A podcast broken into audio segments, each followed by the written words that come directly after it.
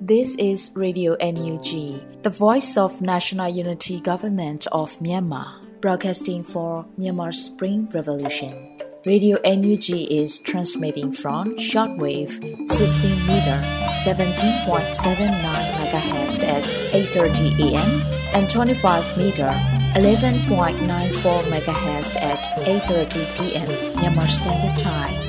မင်္ဂလာပါရှင်။ မြို့သားညီညွတ်ရေးအစိုးရရဲ့အတန်လွင့်ဌာန Radio NUG ကိုမနက်ပိုင်း၈နာရီခွဲမှာလိုင်းတူ16မီတာ19.89 MHz ညပိုင်း၈နာရီခွဲမှာလိုင်းတူ25မီတာ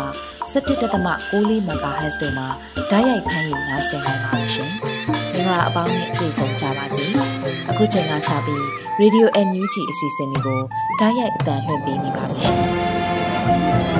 ။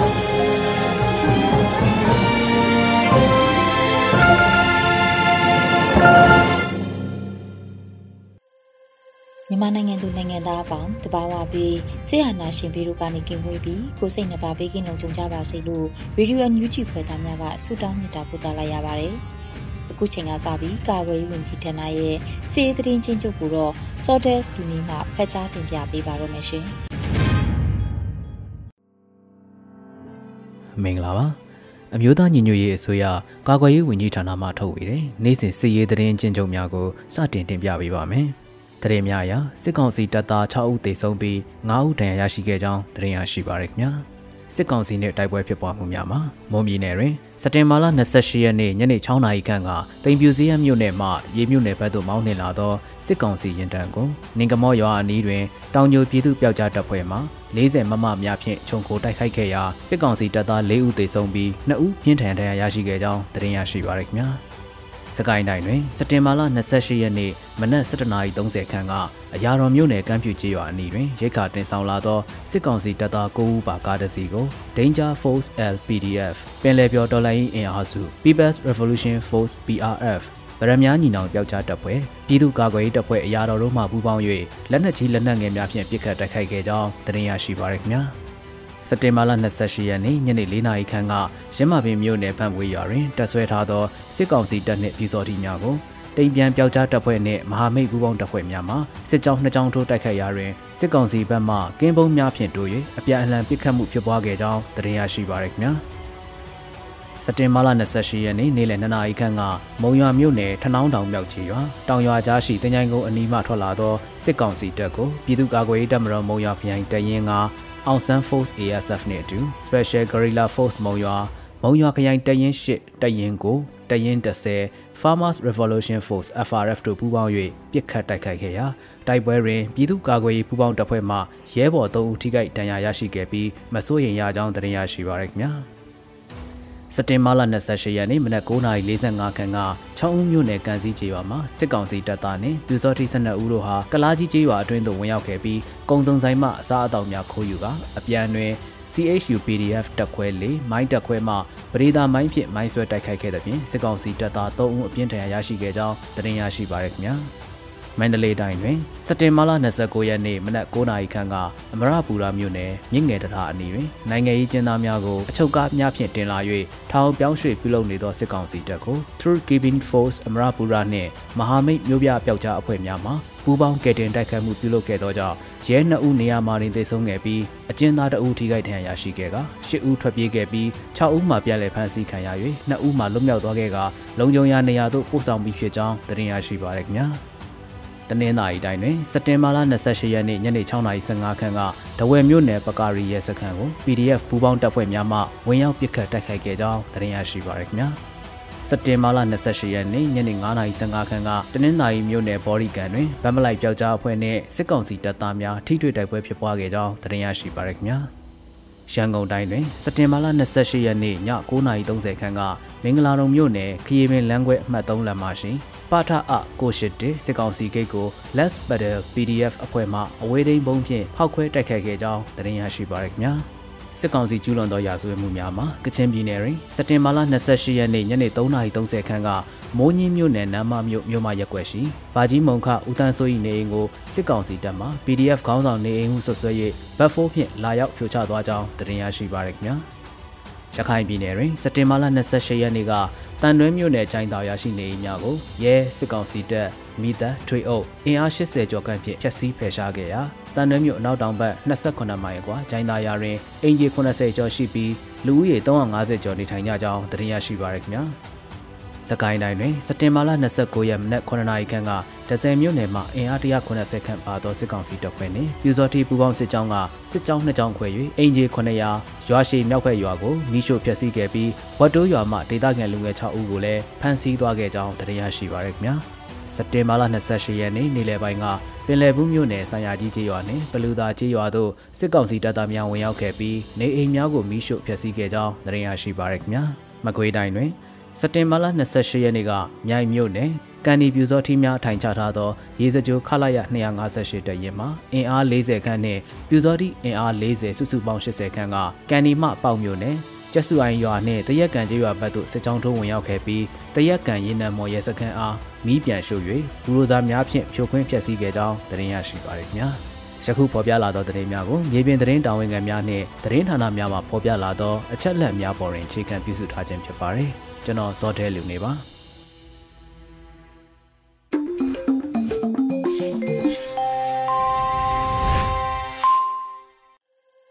ရေဒီယိုအန်ယူဂျီမှာဆက်လက်တင်ပြနေပါတယ်။အခုဆက်လက်ပြီးနောက်ဆုံးရသတင်းများကိုမျိုးဦးမောင်မှဖတ်ကြားတင်ပြပေးပါရမရှင်။ယခုဆက်လက်ပြီးတင်ဆက်ပေးမှာကတော့ Radio NUG မနက်ခင်းပြည်တွင်သတင်းများပဲဖြစ်ပါတယ်။ကျွန်တော်ကတော့ຫນွေဦးမောင်ပါ။ ပြည်သူတော်လှန်ရေးပထမဆုံးအဆုံးသက်အောင်ပွဲဝင်နိုင်အောင်ဂျိုးပန်းသွားပါမယ်လို့ယာယီသမရဒူဝါလက်ရှိလာကဂရိဘေးပြောကြားခဲ့တဲ့တဲ့တင်ကိုတင်ဆက်ပေးပါမယ်။ပြည်သူတော်လှန်ရေးအမြန်ဆုံးအဆုံးသက်အောင်ပွဲဝင်နိုင်အောင်ဂျိုးပန်းသွားပါမယ်လို့ယာယီသမရဒူဝါလက်ရှိလာကဂရိဘေးပြောကြားလိုက်ပါတယ်။စက်တင်ဘာလ29ရက်နိုင်ငံတော်ယာယီသမရဒူဝါလက်ရှိလာမှကလေးမျိုးလူထုတပိတ်ရပ်ပေါင်း600ပြည့်အခမ်းအနားဂုံပြူအားပေးစကားပြောကြားရမှာထည့်သွင်းပြောကြားခဲ့ပါတယ်။ ပြည်သူတော်လှန်ရေးကြီးမှာခလေးဒေသအပါအဝင်နိုင်ငံတော်ဝန်မှာအသက်ပေးလူခဲ့ကြတဲ့အာဇာနည်ရဲဘော်သူရဲကောင်းများရဲ့ဂုဏ်ကျေးဇူးကိုအစဉ်အမြဲအောက်မေ့ဂုဏ်ပြုပြီးပြည်သူလူထုကြီးတရက်လုံးရဲ့လွတ်မြောက်ရေးအတွက်ဒေါ်လန်ရေးကြီးရဲ့ကဏ္ဍအသီးသီးမှာဘုံမောအားဆိုင်တိုက်ပွဲဝင်တော်လှန်သွားကြပါစို့လို့ပြည်သူပြည်သားအပေါင်းကိုနှိုးဆော်တိုက်တွန်းလိုက်ရပါတယ်။ထို့အတူကျွန်တော်နဲ့အမျိုးသားညီညွတ်ရေးအစိုးရအနေနဲ့ပြည်သူဒေါ်လန်ရေးကြီးကိုအမြန်ဆုံးအဆုံးသက်အောင်ပွဲဝင်နိုင်အောင်ကြိုးပမ်းသွားပါမယ်လို့ကတိပေးရင် ပြည်သူပြည်သားအပေါင်းကိုဥညွတ်အလေးပြုအပ်ပါတယ်လို့ဆိုပါတယ်။အမျိုးသားညီညွတ်ရေးအစိုးရပြည်ထောင်ရေးဝန်ကြီးကပြောကြားထားရမှာလဲ2023ခုနှစ်စက်ကောင်စီရဲ့ရွေးကောက်ပွဲမတိုင်မီຫນွေဦးဒေါ်လာရေးကိုအဆုံးသတ်ဆင်နွှဲမယ်လို့ဆိုထားပါတယ်ခင်ဗျာ။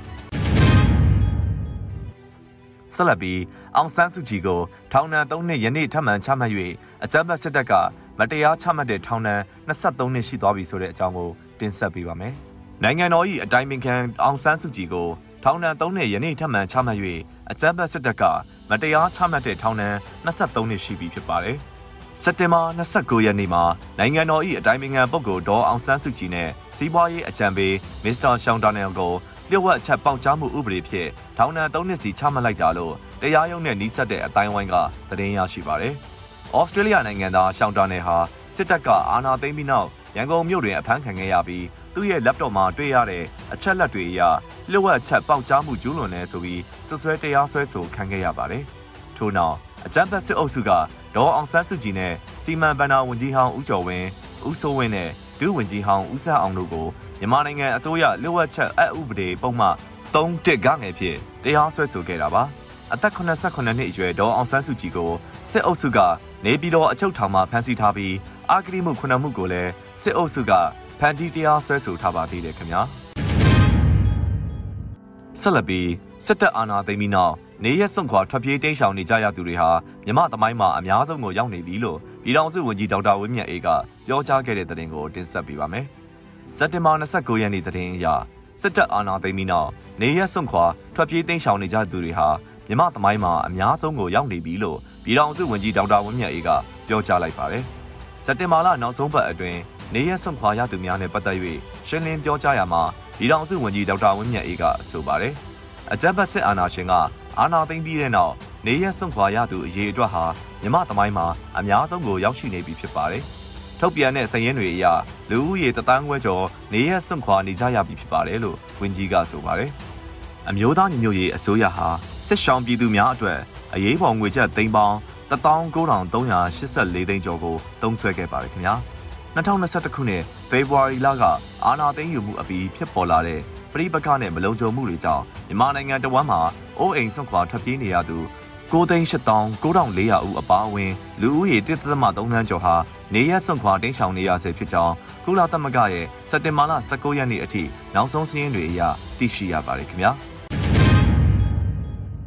ဆက်လက်ပြီးစာတင်ကျောင်းများမှာ တက်ဆွဲခြင်းနဲ့အကြမ်းဖက်ဖောက်ခွဲပစ်ခတ်တိုက်ခိုက်မှုများကိုလက်မခံကြောင်းအမျိုးသားညီညွတ်ရေးအစိုးရကနှစ်ကြိမ်တိုင်တိုင်ထုတ်ပြန်အသိပေးထားတယ်လို့ပြည်ထောင်စုဝန်ကြီးဒေါက်တာဇော်ဝေဆိုးကဆိုခဲ့တဲ့သတင်းကိုတင်ဆက်ပေးပါမယ်။စက်တင်ဘာ29ရက်နေ့ထုတ်သတင်းအရစာတင်ကျောင်းများမှာတက်ဆွဲခြင်းနဲ့အကြမ်းဖက်ပစ်ခတ်ဖောက်ခွဲတိုက်ခိုက်မှုများကိုလက်မခံကြောင်းအမျိုးသားညီညွတ်ရေးအစိုးရကနှစ်ကြိမ်တိုင်တိုင်ထုတ်ပြန်အသိပေးထားတယ်လို့ပြည်ထောင်စုဝန်ကြီးဒေါက်တာဇော်ဝေဆိုးကဆိုပါတယ်။ စက်တင်ဘာနောက်ဆုံးပတ်သတင်းစာရှင်းလင်းပွဲမှာပညာရေးဝန်ကြီးဒေါက်တာဇော်ဝေဆိုးကပြောကြားခဲ့ပါတယ်။ကျောင်းစာဖွင့်ကလေးကကျွန်တော်တို့နှစ်ကြိမ်ကြီးညာခဲ့ပြီးဖြစ်ပါတယ်။နံပါတ်1ကဘဲကျောင်းမှာမှဘဲတက်ဆွဲတာကမှသဘောမတူပါဘူး။လက်မခံပါဘူး။နောက်တစ်ခုကဘဲကျောင်းသားမှာမှအကျန်းဖတ်တာရောဖောက်ခွဲတာရောပြစ်ခတ်တာရောလက်မခံဘူးဆိုတာအမျိုးသားညီညွတ်ရေးအစိုးရပညာရေးဝန်ကြီးဌာနကနှစ်ကြိမ်ထုတ်ထားပြီးပြီဖြစ်ပါတယ်လို့ဆိုပါတယ်။ အကြမ်းဖက်စစ်တပ်ဟာစက်တင်ဘာ16ရက်နေ့ဂျပန်ရဲမြို့နယ်လက်ရက်ကုန်းရွာရှိစာတင်ကျောင်းကို MI35 ရဟတ်ယာဉ်နဲ့ဆင်းတဲ့ပြစ်ခတ်ခဲ့ရာစာတင်ကြားတဲ့ကလေးငယ်6ဦးသေဆုံးခဲ့ပြီးရေပြင်ထိုးစစ်ကြောင့်အရက်သား9ဦးသေဆုံးခဲ့ရပါတယ်ခင်ဗျာ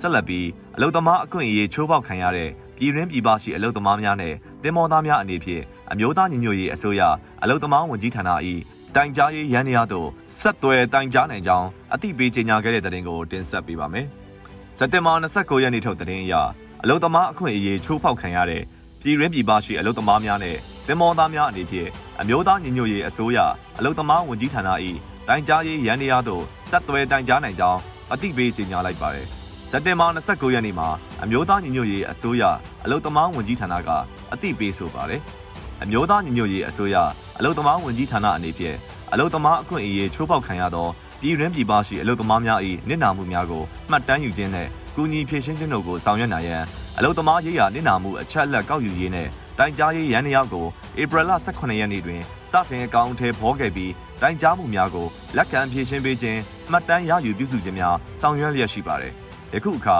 အဆိုပါတိုင်ကြားရေးရန်နေရတွင်ပြည်ရင်းပြည်ပရှိအလုသမားများသာမက အခွင့်အရေးချိုးဖောက်ခံရသည့်တမောသားများအနေဖြင့်သတင်းပေးဖို့တိုင်ကြားနိုင်ရန်တင်မော်သားတိုင်ကြားမှုများကိုပါလက်ခံဖြေရှင်းဆောင်ရွက်ပေးတော့မှာဖြစ်ပါတယ်လို့ဆိုပါတယ်။တို့ဖြစ်ပါ၍တင်မော်သားများအပါအဝင်ပြည်ရင်းပြည်ပရှိအလုပ်သမားများအနေဖြင့်မိမိတို့နဲ့သက်ဆိုင်တဲ့တိုင်ကြားမှုပုံစံတွင်အချက်အလက်များဖြည့်သွင်း၍တိုင်ကြားနိုင်ပါကြောင်းနဲ့တိုင်ကြားမှုနဲ့ဆက်လျင်းသည့်သတင်းအချက်အလက်လုံခြုံရေးခိုင်မာမှုရှိစေရန်လိုအပ်သောနည်းပညာအဆင့်တုံးမြင့်ဆောင်ရွက်ထားရှိပါကြောင်းအသိပေးကြေညာထားပါတယ်။ ဝင်ကြီးဌာနအနေဖြင့်ဒေါ်လာရေးကာလအတွင်းညှိနှိုင်းဖြည့်ရှင်ဆောင်ရွက်ပေးနိုင်သည့်တိုင်ကြားမှုများကိုအချိန်နဲ့တပြေးညီဖြည့်ရှင်ဆောင်ရွက်ပေးလျက်ရှိပြီးအရေးယူမှုပြုလုပ်ရန်လိုအပ်သည့်အလုံသမားအခွင့်အရေးချိုးဖောက်မှုများအားစနစ်တကျမှတ်တမ်းထားရှိ၍ပြည်သူအစိုးရတာဝန်ယူချိန်တွင်စီရင်သွားမှာဖြစ်ပါတယ်ခင်ဗျာ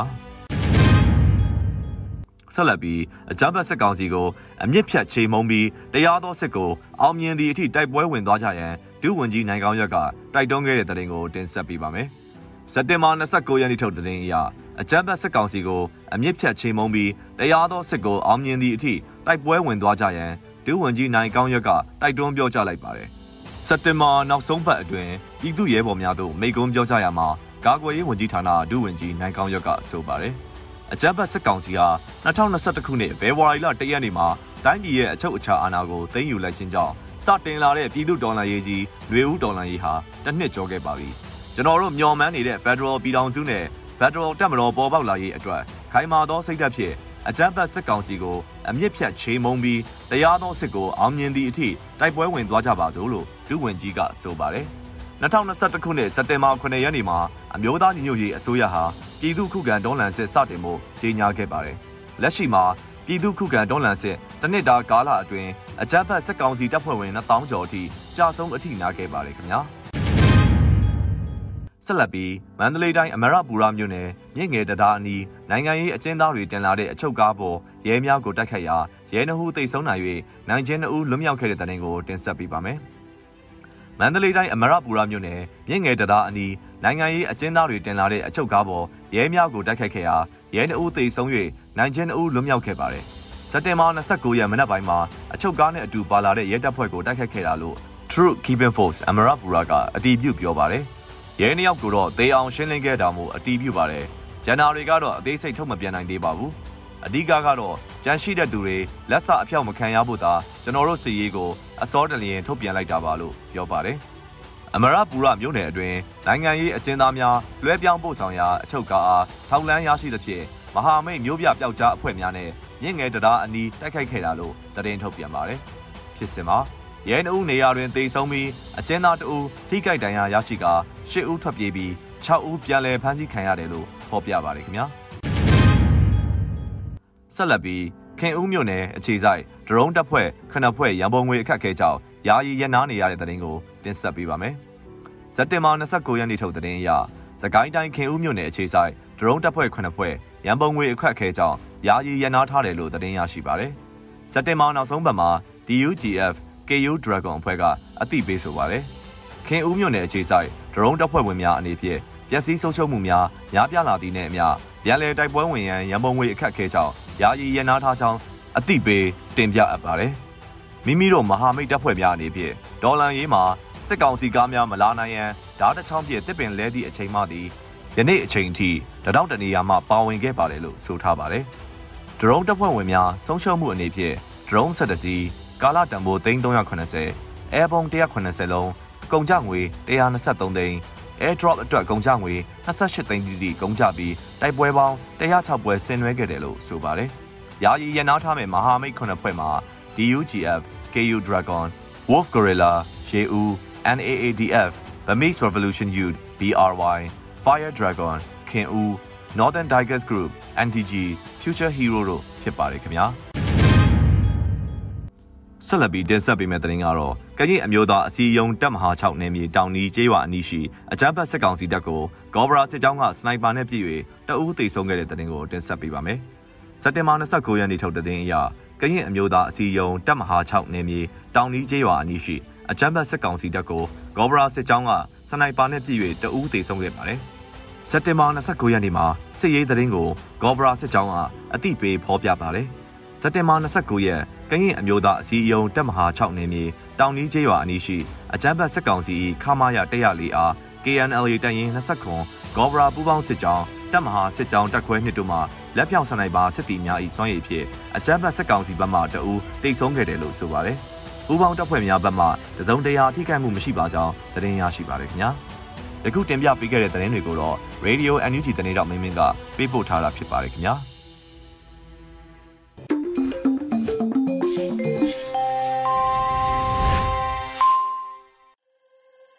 ဗီဒီယိုညူးချီပရိသတ်တွေအတွက်ကူးဆက်လက်ပြီးထုတ်လွှင့်ပေးမယ့်အစီအစဉ်ကတော့တော်လန်ရီတိဂီတာအစီအစဉ်ဖြစ်ပါတယ်။တေးရီတိတိတေးဆိုတာမဲဖူးတီဆိုထားတဲ့ကျွေလင့်သူများတို့လို့အမည်ရတဲ့တော်လန်ရီတိဂီတာကိုနားဆင်ကြရတော့မှာဖြစ်ပါတယ်ရှင်။တနာသမြရွာကိုဖြတ်ပြီးသွားမြေရလေးသမြမြေဝမမေးဖြောင်းများ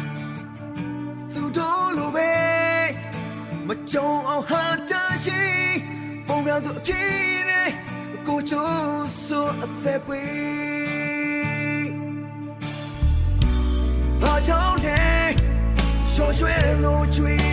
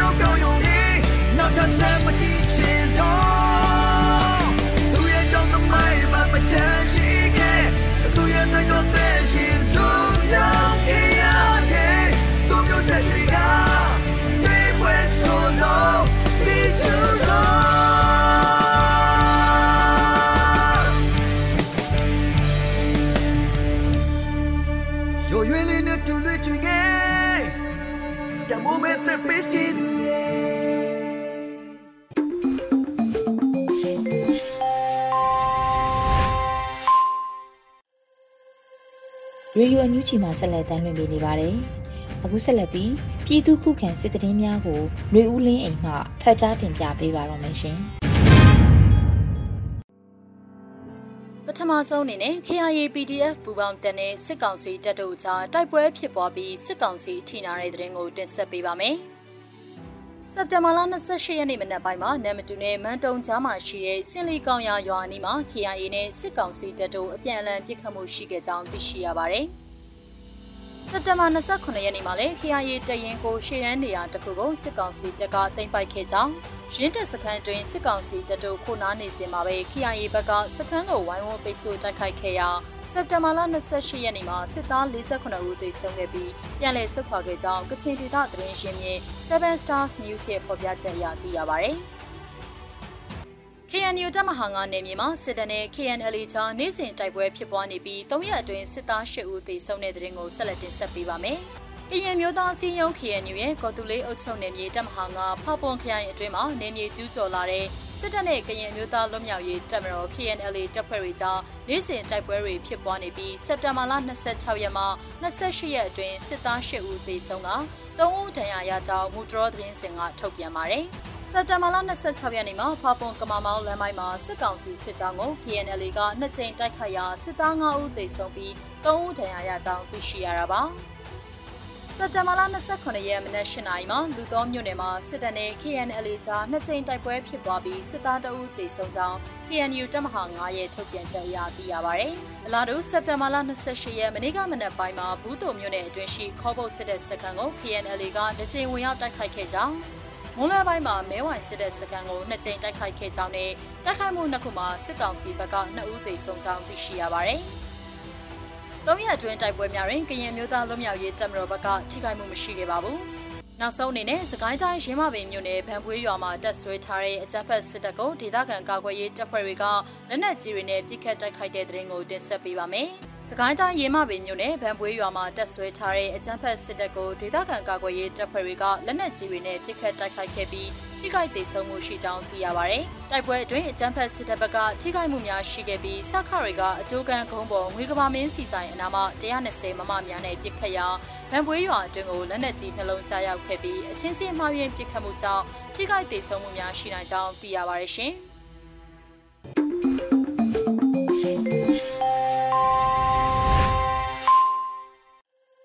ရေဒီယိုအန်ယူဂျီပရိသတ်တွေအတွက်ကူးဆက်လက်ပြီးထုတ်လွှင့်ပေးမယ့်စီစဉ်ကတော့ PPTV ရဲ့နေ့စဉ်သတင်းများဖြစ်ပါတယ်။ထက်ထက်အင်ဒရာအောင်မှဖတ်ကြားတင်ပြပေးပါရမရှင်။အခုချိန်ကစပြီး PPTV သတင်းတွေကိုတင်ဆက်ပြီးတော့မှာပါ။ကျွန်မထက်ထက်အင်ဒရာအောင်ပါ။ ထမဆုံးတင်ဆက်ပေးမှာကတော့အကြမ်းဖက်စစ်တပ်ကလေရင်နဲ့ဘုံကျဲတိုက်ခိုက်မှုအတွင်းအကျဉ်းတော်နှစ်ခုကိုထိမှန်ခဲ့လို့ဖမ်းဆီးခံအကြမ်းဖက်စစ်သားတွေတေဆုံကြောင်းရခိုင်တပ်တော် AA ကထုတ်ပြန်လိုက်တဲ့ဆိုတဲ့သတင်းကိုတင်ဆက်ပေးပါမယ်။သတင်းထုတ်ပြန်ချက်ထဲမှာအကြမ်းဖက်စစ်တပ်ကမောင်တော်မြို့နယ်လက်ပံတောင်ကျော်ဘော်ကိုစက်တင်ဘာလ23ရက်ည7:00နာရီအချိန်ကဂျက်တိုက်လေယာဉ်3စီးနဲ့နိုင်ဝက်အကြားဘုံကျဲတိုက်ခိုက်မှုပြုလုပ်ခဲ့ရာအကျဉ်းတော်နှစ်ခုကိုထိမှန်ခဲ့တယ်လို့ဖော်ပြထားပါတယ်။ အဲ့ဒီလိုအချင်းတော်ကိုဘုံထိမှန်မှုကြောင့်အကြမ်းဖက်စစ်တပ်က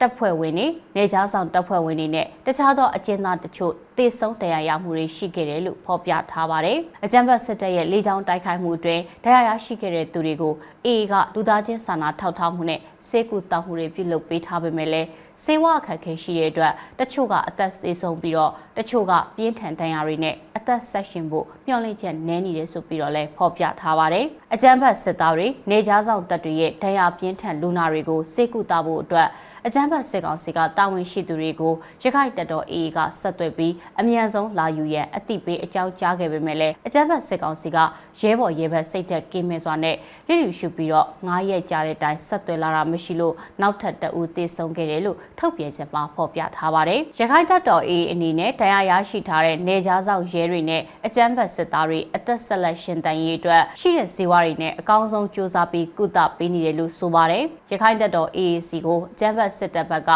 လက်နက်တမမဟုတ်လက်နက်မပါဘဲဝင်ရောက်လာကြသူတွေနဲ့ AA ကဖမ်းဆီးရမိထားတဲ့အကြမ်းဖက်စစ်တပ်ဘက်ကတပ်ပြေးအရေးအတွက်က150ကျော်အထိရှိထားတယ်လို့ဖော်ပြထားပြီးအဲ့ဒီ150ကျော်ကိုကောင်းမွန်စွာထားရှိပြီးတော့၎င်းတို့တွေကသွားလို့တဲ့နေရာရှိတဲ့သူတွေကိုလုံခြုံစွာနဲ့ပို့ဆောင်ပေးတယ်လို့ဆိုပါတယ်။အကြမ်းဖက်စစ်တပ်ကရဲဘော်ရဲဘက်စိတ်မရှိဘဲအသက်ဘေးနဲ့ရင်ဆိုင်နေရတဲ့တပ်သားတွေကိုစွန့်ပစ်ထားတဲ့အခြေအနေကလက်ရှိအကြမ်းဖက်စစ်တပ်ရဲ့သဘောထားအမှန်ကိုထင်ဟပ်နေတယ်လို့ရခိုင်တပ်တော် AA ကထောက်ပြထားပါတယ်။ အကြမ်းဖက်စစ်တပ်ထဲမှာတာဝန်ထမ်းဆောင်လို့စိတ်မရှိတဲ့သူတွေအနေနဲ့စီရီယံပြုတ်လုပ်မယ်ဆိုရင်အနည်းဆုံးနေရာကရခိုင်တပ်တော် AA ကိုအမြန်ဆုံးဆက်သွယ်နိုင်တယ်ဆိုပြီးတော့လည်းဖော်ပြထားပါတယ်။ဆက်လက်တင်ဆက်ပေးမှာကတော့ပြည်သူတွေတွာလာတာကိုအနှောက်ယှက်ပေးနေတဲ့အကြမ်းဖက်စစ်တပ်ကို KNL နဲ့အထူးစစ်စင်ရေးတပ်ဖွဲ့ SOF တို့ပူးပေါင်းပြီးတော့နယ်မြေရှင်းလင်းလိုက်တဲ့ဆိုတဲ့သတင်းမှာဖျားသုံးစုမျိုးနာမှာပြည်သူတွေတွာလာနေတဲ့လမ်းကိုပိတ်ပြီးစစ်ဆေးတာတွေ ဖျားပေါ်မှာတက်ဆွဲထားတာတွေအတွက်ဖျားဖို့ဖို့အခက်အခဲဖြစ်နေတာတွေကိုလှုံ့ဆော်ထားတဲ့အကြမ်းဖက်စစ်တပ်ကိုကရင်မျိုးသားလွတ်မြောက်ရေးတပ်မတော် KNL နဲ့အထူးစစ်စင်ရေးတပ်ဖွဲ့ SOF တို့ပူးပေါင်းပြီးနယ်မြေရှင်းလင်းမှုတွေလှုံ့ဆော်ခဲ့ပါတယ်။ဖျားသုံးစုမျိုးနာကဖျားတော်မှာစခန်းချထားတဲ့အကြမ်းဖက်စစ်တပ်ရဲ့ခြေလင်းတရင်ခလာရ283ကပြည်သူတွေကိုအနှောက်အယှက်ဖြစ်စေတဲ့အတွက်ကရင်မျိုးသားလွတ်မြောက်ရေးတပ်မတော် KNL တပ်ရင်း16တပ်ခွဲ2တပ်ဖွဲ့နဲ့ အမျိုးသားညီညွတ်ရေးအစိုးရတောင်ပိုင်းစစ်ဒေသကော့ကဲရေးရဲ့အထူးစစ်စင်ရေးတပ်ဖွဲ့ SOF တို့ပူးပေါင်းပြီးတိုက်ခိုက်ခဲ့တာဖြစ်တယ်လို့သတင်းထုတ်ပြန်ချက်မှာဖော်ပြထားပါတယ်။စခန်းသိမ်းတိုက်ပွဲအတွင်းတိုက်ခိုက်ချိန်တနအီကျော်ခန့်သာကြာမြင့်ခဲ့ပြီးတော့အကြမ်းဖက်စစ်တပ်ဘက်ကဒုတက်ရေးမှုအပါအဝင်73ဦးသေဆုံးပြီး18ဦးစခန်းကိုစွန့်ခွာထွက်ပြေးခဲ့တယ်လို့သတင်းထုတ်ပြန်ချက်မှာဖော်ပြထားပါတယ်။စခန်းသိမ်းတိုက်ပွဲမှာ MA4 ပူရွဲတလက် MA2 နှစ်လက် MA3 တလက် MA1 နှစ်လက် စနိုက်ပါတလက်60မမတလက်ငကြင်းမိဆက်လက်တလက်နာဒိုဂျီ89တောင် 5.56G 913တောင်ကြည်ပေါင်း16ခုကိုတင်းစီရမိခဲ့ကြောင်းထုတ်ပြန်ချက်မှာဖော်ပြထားပါတယ်။တိုက်ပွဲအပြင်းထန်ဖြစ်ပွားခဲ့ပေမဲ့ KNL နဲ့ SOF တပ်ဖွဲ့ဝင်တွေဘက်ကထိခိုက်မှုလုံးဝမရှိခဲ့ပဲအောင်မြင်စွာသိမ်းယူနိုင်ခဲ့တယ်လို့အထူးစစ်စင်ရေးတပ်ဖွဲ့ SOF ကသတင်းထုတ်ပြန်ထားပါတယ်။ကျေးဇူးတင်ပါတယ်ရှင်။ ဒီကနေ့ကတော့ဒီညနဲ့ပဲ Radio NUG ရဲ့အစီအစဉ်လေးကိုခਿੱတရနာလိုက်ပါမယ်ရှင်။မြမစံတော်ချိန်မနက်၈နာရီခွဲနဲ့ည၈နာရီခွဲအချိန်တွေမှာပြန်လည်ဆုံတွေ့ကြပါစို့။ Radio NUG ကိုမနက်ပိုင်း၈နာရီခွဲမှာလိုင်းတူ16မီတာ19.8 MHz ညပိုင်း၈နာရီခွဲမှာလိုင်းတူ25မီတာ17.6 MHz တို့မှာဓာတ်ရိုက်ဖမ်းလို့နိုင်စေနိုင်ပါပြီ။ မြန်မာနိုင်ငံသူနိုင်ငံသားတွေကိုစိတ်နှပြစမ်းမချမ်းသာလို့ဘေးကင်းလုံခြုံကြပါစေလို့ Radio NUG အဖွဲ့သူဖွဲ့သားတွေကဆုတောင်းမြတ်တာပို့တာလိုက်ရပါတယ်ရှင်။မြေသားညီမတွေအစိုးရရဲ့စက်သွေးရေးသတင်းအချက်အလက်တွေပညာဝန်ကြီးဌာနကထုတ်လွှင့်နေတဲ့ Radio NUG ဖြစ်ပါတယ်။ San Francisco Bay Area အခြေစိုက်မြန်မာမိသားစုတွေနဲ့နိုင်ငံတကာကစေတနာရှင်လို့အားပေးနေတဲ့ Radio NUG ဖြစ်ပါတယ်။အရေးတော်ပုံအောင်ရမည်